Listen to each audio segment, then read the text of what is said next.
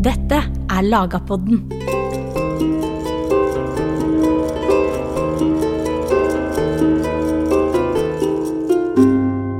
Hva kan mellomaldermanuskripter fortelle oss? Landsloven av 1274 finnes bevart i mange manuskript. Disse manuskriptene gir oss informasjon om mer enn bare lovreglene de formidler. Gjennom illuminasjoner og tegninger, gjennom understrekinger, peikere, margkommentarer osv. Så, kommuniserer fortida sine skrivere med nåtida sine lesere. Hva informasjon kan vi hente ut av denne dialogen med fortida? Hva lærer vi om prosessen rundt, og ikke minst om aktørene i produksjon av manuskript? Om bruken av disse manuskriptene, og hvordan lov ble formidla og brukt i samtida? Med meg til å svare på disse spørsmålene har jeg postdoktor ved Universitetet i Oslo, Anna Katarina Horn. Du hører på Lagerpodden, en podkast av Nasjonalbiblioteket. Mitt navn er Jørn Øyrehagen Sunde.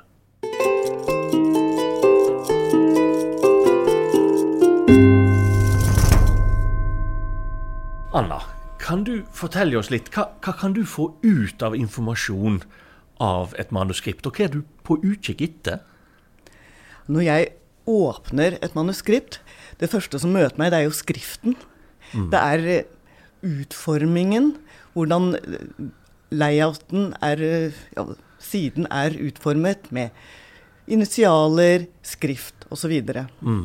Og da tenker jeg ofte at her har jo det vært mange ulike aktører og roller kan vi kanskje si, ja. involvert i produksjonen av dette manuskriptet.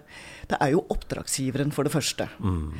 Det kan være lagmannen selv, som ja. ønsker og bestiller et kanskje flott og fint manuskript fra en profesjonell skriver. Og han har kanskje mye å betale med, ressurser. Mm, mm. Så det kan bli et fint illuminert håndskrift, kanskje med gull til og med. Vi har jo bevart håndskrifter som har gulldekor. Ja, Nå må du fortelle oss hva er en illuminasjon for noe? En illuminasjon, det er jo en, en tegning, en, et lite maleri, altså illuminere. Mm. Eh, litt maleri, f.eks. initialene som innleder disse bolkene i landsloven. Mm. Disse tematiske seksjonene de er gjerne litt større. Og da har illuminatøren tegnet inn farger, dekor. Kanskje de er såkalt historierte, at det er personer. Vi ja. kan se det er tegnet kongen som gir lovboken til mm. lagmannen, f.eks. Vi kan mm. se litt tema som dette, denne bolken vil inneholde. Mm. Og nå avbryter jeg deg, for du snakket jo egentlig om aktørene, og ja. nå var det oppdragsgiveren som du snakket om. Ja, ja nettopp. Og han, eh, hvis han da vil ha denne fine illuminasjonen, så, mm. så er det Det sier noe om at her er det en rik person mm. som har bestilt dette. Og det kan også, denne, kan også være f.eks. biskopen. Ja. Biskopen hadde også lovhåndskrifter. Mm. Og det har vi også sett med i visse manuskripter som er så fine og har flotte illuminasjoner, ja. men som nesten ikke er brukt i det hele tatt. Jeg ser som det nesten vi åpner det for første gang. Ja. Pergamentet er hvitt og fint, ingen notater. Og det, en biskop har kanskje brukt kanskje håndskriftet mer for å bare vise fram mm. at han har det. Men så er det skriveren, da. Ja. En veldig viktig rolle i uh, produksjonen. Vi ser skriften hans. Er den regelmessig gjennom hele håndskriftet? Da det, kan det tyde på profesjonalitet. En som er vant til å skrive mye. Mm. Det kan være mer en rask hånd. Ja. Da kan jo det faktisk være lagmannen selv. altså Det kan være det samme person, har jo de ja. ulike rollene. Så eh, det kan uh, fortelle oss ja. uh, Skriften kan sånn fortelle oss litt om hvem som har mm. utført hvilke rollene mm. som har utført dette. Er det skriveren òg som lager illuminasjonene, eller er det en egen aktør i denne prosessen? Det kan være begge deler. Okay. Og da er noen, Det ser vi jo litt på illuminasjonene. Er de veldig flotte, som jeg tenker på dette med gull og sånn. Ja. Da er det jo det at i store skriptorier så var det jo ulike De hadde ulike yrker. Kanskje det var egne illuminatører og egne skrivere. Ja, ja. Og det, mens en, hvis det er lagmannen selv, han kan jo prøve å etterligne en fin initial og litt mm. dekor. Mm. Men du kan kanskje se da at det er kanskje ikke så profesjonelt utført. Det er ikke så mange farger. Mm. At den stilsikkerheten er kanskje ikke så på topp, da, sånn gjennomført. Og det er kanskje fint i starten, og så blir det kanskje litt mer enklere utover i håndskriftet. Veit vi noe om disse skriverne? Altså, Hvem de er? Har vi navn på noen, f.eks.? Vi har navn på to stykker som da har signert på slutten. Den ene heter Eirik Tronsson, Nettopp. og den andre heter Håkon, nei, Torgeir Håkonsson. Ja, ja, Og han har skrevet hele tre håndskrifter som er bevart. ja. Og da kan vi tenke oss at han er en profesjonell skriver som har fått oppdrag flere ganger og skrevet om igjen og om igjen. Ja. Så dette er altså personer som har av en eller annen grunn produsert landslovsmanuskript eh, på oppdrag. Ja. Men de har sikkert produsert andre manuskript òg. Altså, eh, har dette vært jobben deres, tror du, eller? Den, en av disse vi har bevart flere håndskrifter av, har også skrevet noe, latinsk, eh, en latinsk tekst. Ja. Og man kan jo tenke seg at han har fått oppdrag flere steder. Ja. ja. Men det var jo ikke sikkert at de var skrivere i det daglige. De kan ha vært prester eller munker. Og så var denne skrivingen mer enn Ja, når, når oppdragene kom, ja. så gjorde de det. Og det kan jo ha tatt noen måneder å fullføre et slikt håndskrift. Eh, hvor får de utdannelsen sin? Altså, Er det mulig å få en, en god utdannelse når det gjelder å bli skriver, eller for å lage illuminasjoner i Norge, eller måtte de reise ut? Man kan jo tenke seg at etter hvert så ble det også mulig å ta slik utdannelse i Norge, etter hvert som denne institusjonen, både kirken og domkapitlene, utviklet seg, og også klostrene. Ja. Men i en tidlig fase så var det nok mest vanlig å dra utenlands. Og vi kan jo se tydelig inspirasjon fra både engelske og også eh, ja, parisiske håndskrifter i det de norske illuminatørene har gjort, og også i skriften. Tydelig engelsk påvirkning i den norske skriften. Som de hadde tegn som er altså egne skrifttegn som ble utviklet i England, Mhm. som ble vanlig i den norske skriften. Så det er liksom England og Frankrike med Paris som blir de to sentrale stedene for å utvikle vår egen tradisjon på dette feltet. Ja, for altså, de lærte jo lov. Ja. De reiste utenlands, og da var det jo Bologna og, og flere steder Ja. i utlandet de lærte lov. Men det å være skriver, altså lære seg eh, å skrive og lese latin, Ja. det kunne man også gjøre f.eks. her Ja. til lands etter hvert. Domkapitlene ble vel utviklet fra 1100-1200-tallet. Mm. Og vi, det er jo bevart fra en av disse biskopssagaene på Island, så er det, fortelles det jo om at de dro fra Island til Nidaros ja. og fikk eh, sin utdanning der. Nettopp. Nettopp erkebispesete der, rett og slett. Erkebispesetet i Nidaros, ja. Mm. Er det sånn, tror du, at det satt én skriver ved et domkapittel, og én ved et annet, og én i et kloster, eller har du hatt òg miljø av skrivere? Det har nok vært miljøer av skrivere i, ved disse sentrene. Ja. ja. Bispesentrene, altså bispesetene, både Nidaros, men også Bergen og Oslo. ja. Vi har også kanskje Avaldsnes, Tønsberg. ja. Og så hadde jo kongen sine egne kapeller rundt omkring, som, hvor det også kan ha vært slike miljøer.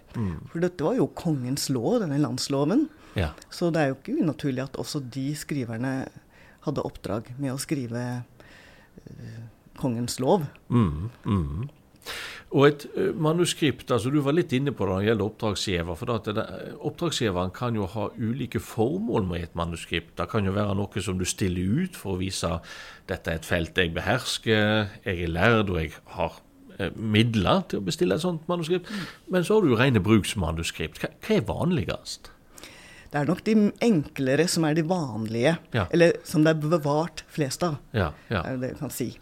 Og for lagmannen som skulle ut i felten og dømme, Ja. så var jo disse enkle, altså litt mindre formatene Det var bedre, enklere å ha med seg. Mm. Ja. Men det er klart, i lagmannsstova, når man samlet uh, for å dømme i en sak og Ja. kunne vise fram eh, det litt store som lå på bordet der, det, Ja. det kunne nok kanskje vise litt styrke også. Mm, Og som sagt, biskopene hadde jo kanskje sine store fiende også for å vise, vise sin makt og rikdom. Og så skal vi etter hvert også nå snakke litt om hva som står i disse manuskriptene, men først skal vi ha en liten pause.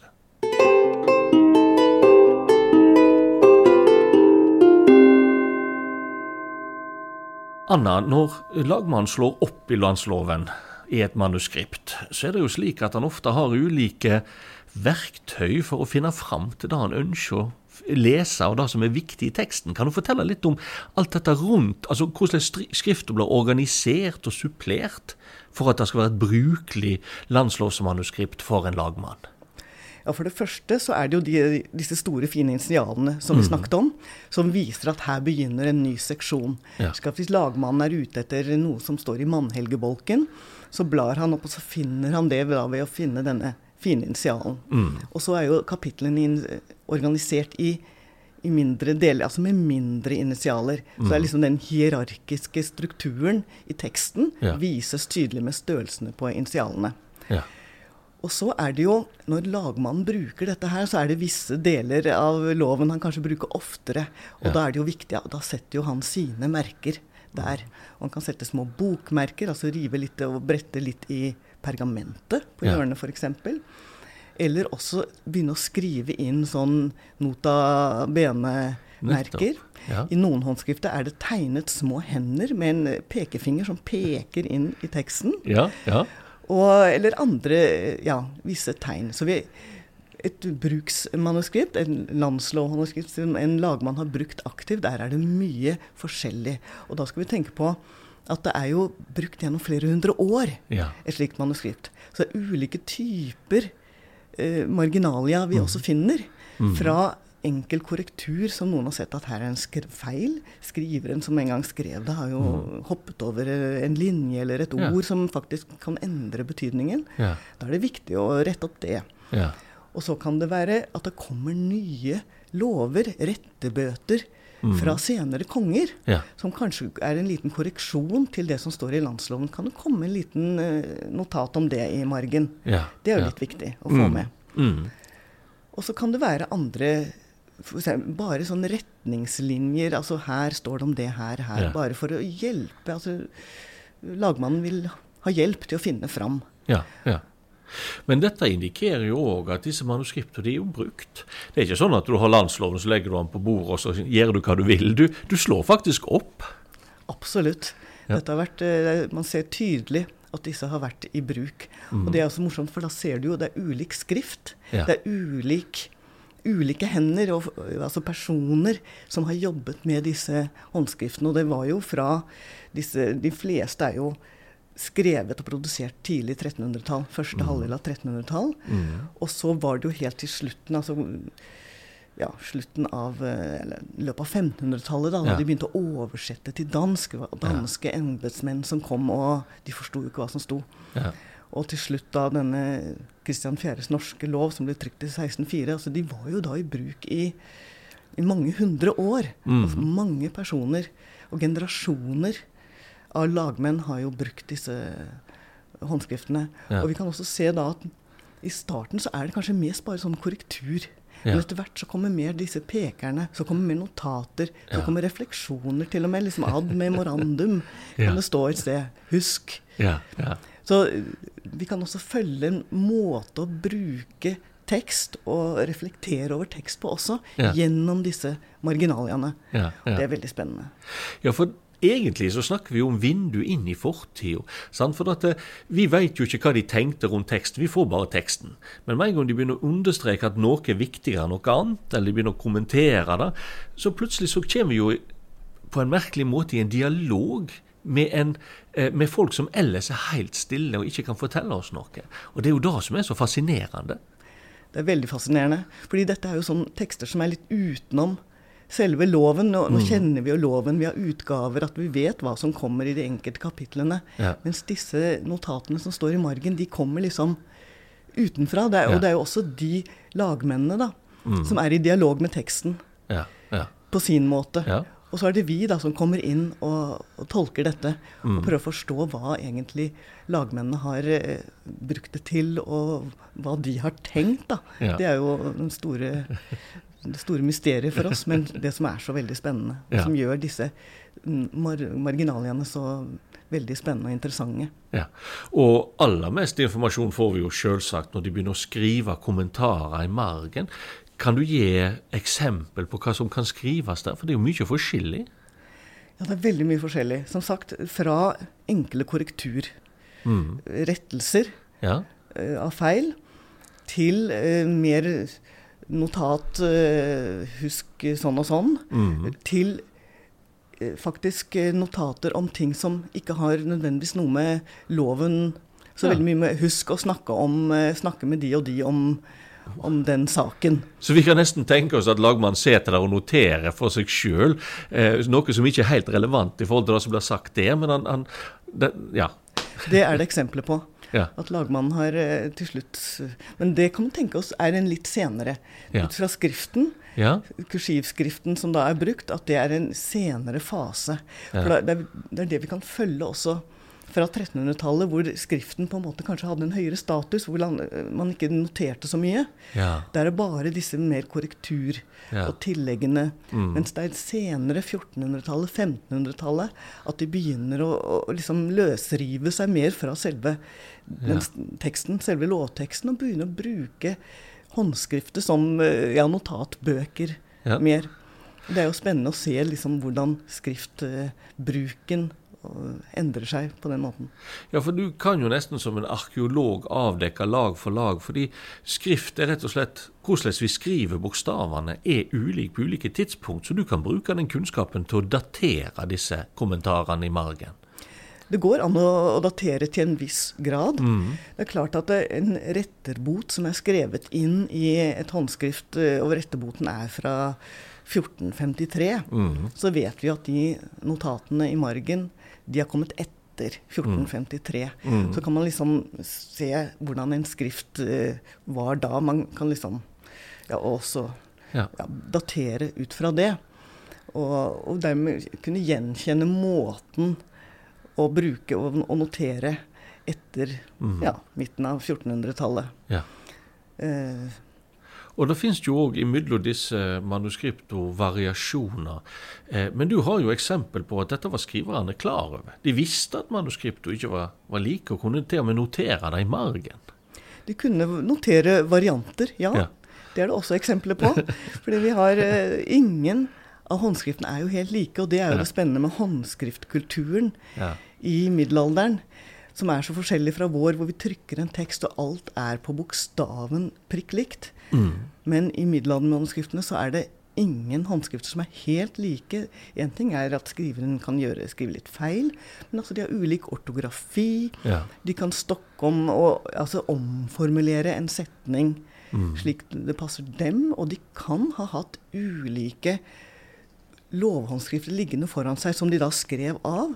Og så har de Mm. vekslet mellom forskjellige, slik at det blir en miks av med, ja, kanskje to forskjellige lovhåndskrifter som de da bruker til å forme en ny tekst som de mener da er bedre, kanskje, Mm. enn den. Kanskje for å få med alle variantene. Den varianten i det ene håndskriftet og den i det andre, som da formes i dette nye og møter hverandre der. Ja. Så det blir sånn mer, etter deres standard, mer komplett. Mm. For oss så blir det jo da en tredje variant. Vi, Ja. Man må nøste seg bakover og prøve å forstå hva de har gjort. Ja. Og nå skal vi gå videre til å snakke mer om hvordan de komponerte disse manuskriptene. For som du har sagt, de ble jo brukt over lang tid. Og det betyr ikke bare at teksten endrer seg, men de legger til nye deler i manuskriptet. Men først skal vi ha en liten pause.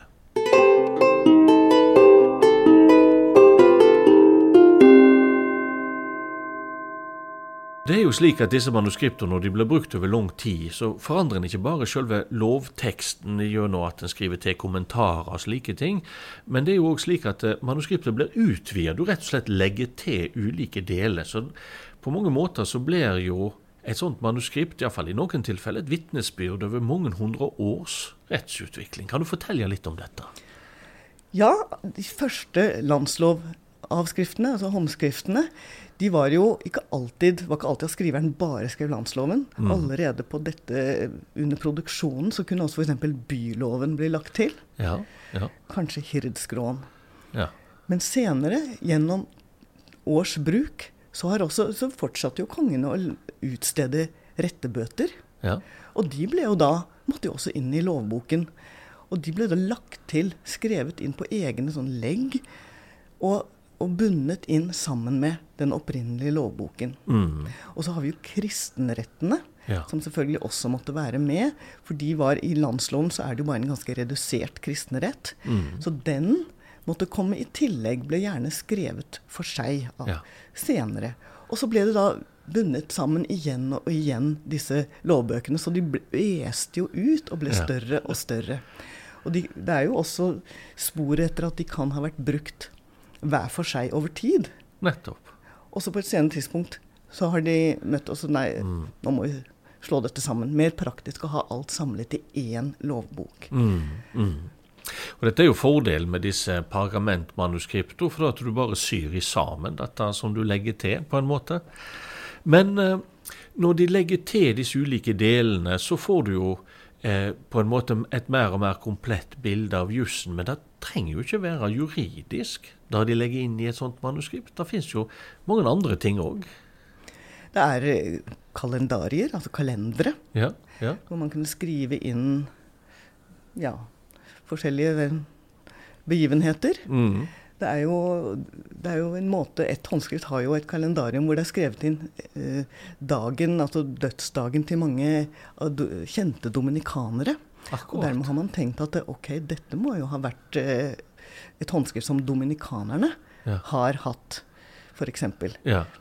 Og så man kan, det kan fortelle en del også, disse kalendariene. Mm. Et annet håndskrift med landsloven Ja. har, er også bundet sammen med en eh, Olavssaga. Ja. Sagaen om den hellige kong Olav. ja. Og det er jo, kan man jo spørre seg hvorfor eh, man eh, blander sammen de to håndskriftene. Dette er da et gammelt fra rundt Altså Olavshagen er skrevet rundt 1250, så har liksom levd sitt eget Ja. liv en god stund. Og så kommer landsloven da 100 år senere, og på et eller annet tidspunkt så har de blitt bundet sammen til ett stort håndskrift. ja. Men eh, det er jo en tradisjon senere, som på 1500-1600-tallet, at landsloven er liksom den hengelige kong Olavs lov. Stemmer. Det ser man i disse avskriftene fra den, disse sene avskriftene. Mm. Sankt Olavs lov. Ja. I disse oversettelsene til dansk, bl.a. Ja. ja. Så eh, vi vet jo ikke helt når den tradisjonen kom, men eh, det kan jo knyttes til at han var liksom Han er jo opphavet til ja. Alt godt. alt godt her i landet. Ja, og Magnus skriver vel en plass òg, altså Den hellige St. Olavs lov. Jeg tror han setter seg sjøl inn i den tradisjonen som en arving etter Olav den hellige. Får vi nok eh, inntrykk gjennom disse manuskriptene om lagmennene sitt lærdomsnivå? Er, er de på en måte bare litt over alle andre, eller er det noen lagmenn, noen manuskript som framtrer som mer sånn solid planta i en europeisk kunnskapstradisjon enn andre, eller? Det er litt vanskelig Ja. å si at det, det skiller seg ut håndskrifter på den måten, Ja. både gjennom marginalia eller, eh, eller selve utformingen og selve produksjonsnivået. Det, det er ut fra hvordan eh, disse skriverne og alt den utformen er en Mm. veldig tydelig integrert del av europeisk eh, skriftstradisjon. Ja. Det, er, det er helt klart. At Norge var, var en del av Europa Ja. og en egen, samtidig som det er egne trekk som vi snakket om, at de har hentet litt uh, fra England f.eks. Og Mm. uh, så så det er, det liksom, de utvikler sin egen Ja. uh, form her Ja. i nord. Ja.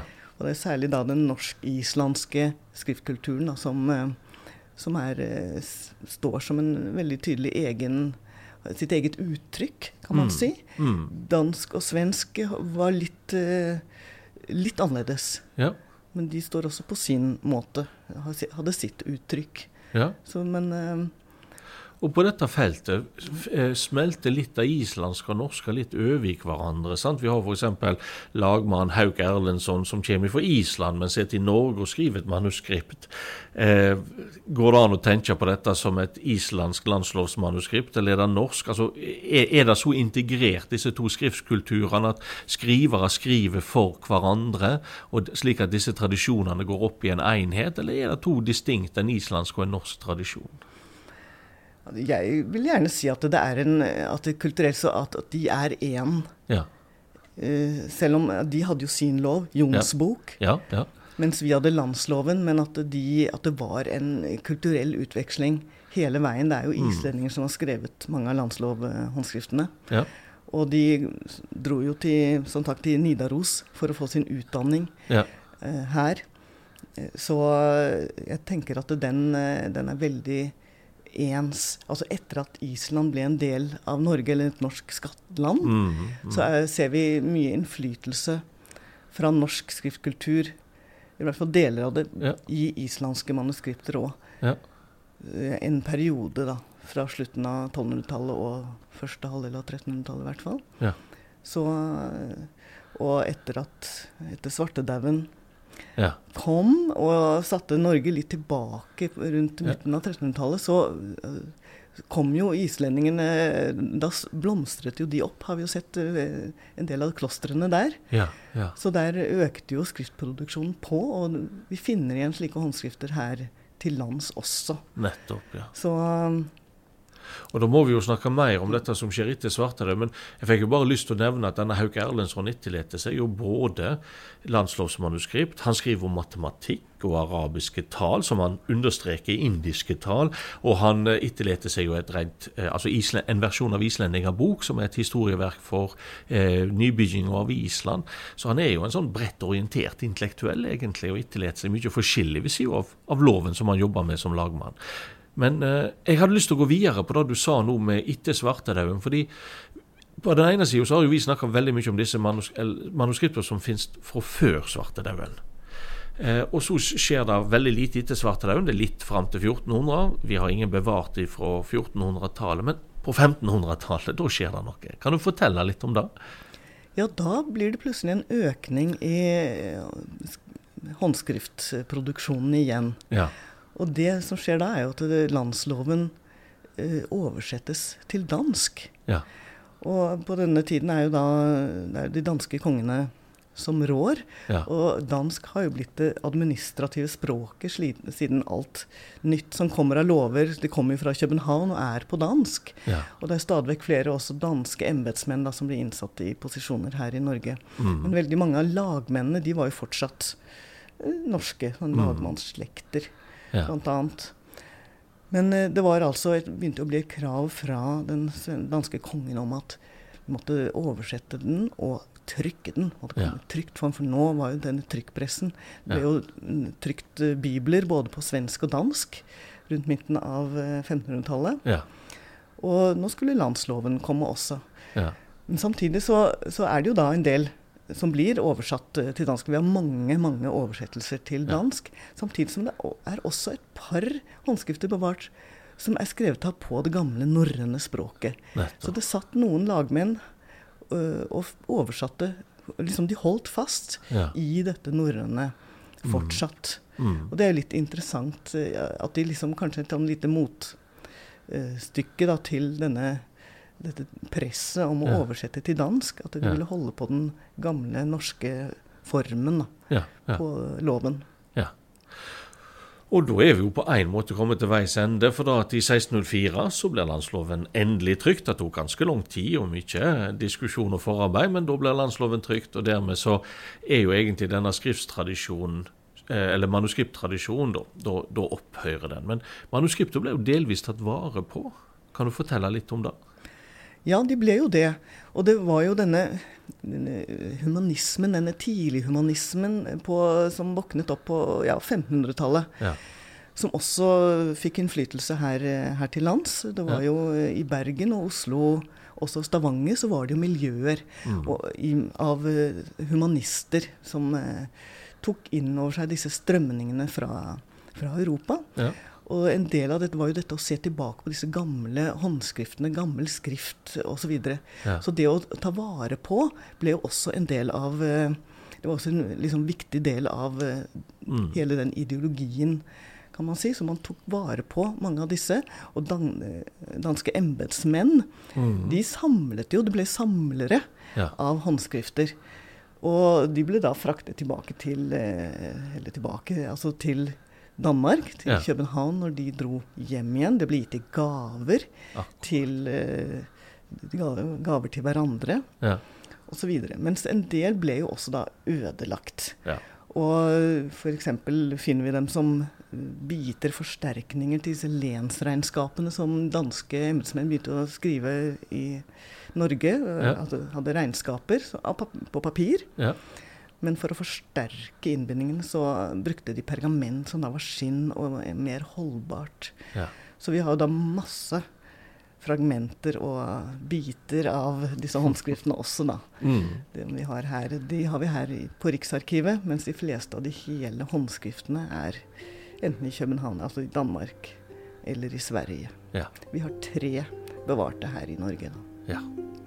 Da, Anna, tusen takk for at du kom og var med og svara på alle disse spørsmålene her i Lagerpodden. Takk for at jeg fikk komme. Og med det er denne sesongen av Lagerpodden ferdig. Men vi kommer tilbake med en ny sesong om ikke så altfor lenge, og da skal vi sammenligne landsloven og de norske mellomalderlovene med det vi finner andre steder i Europa. Velkommen tilbake da.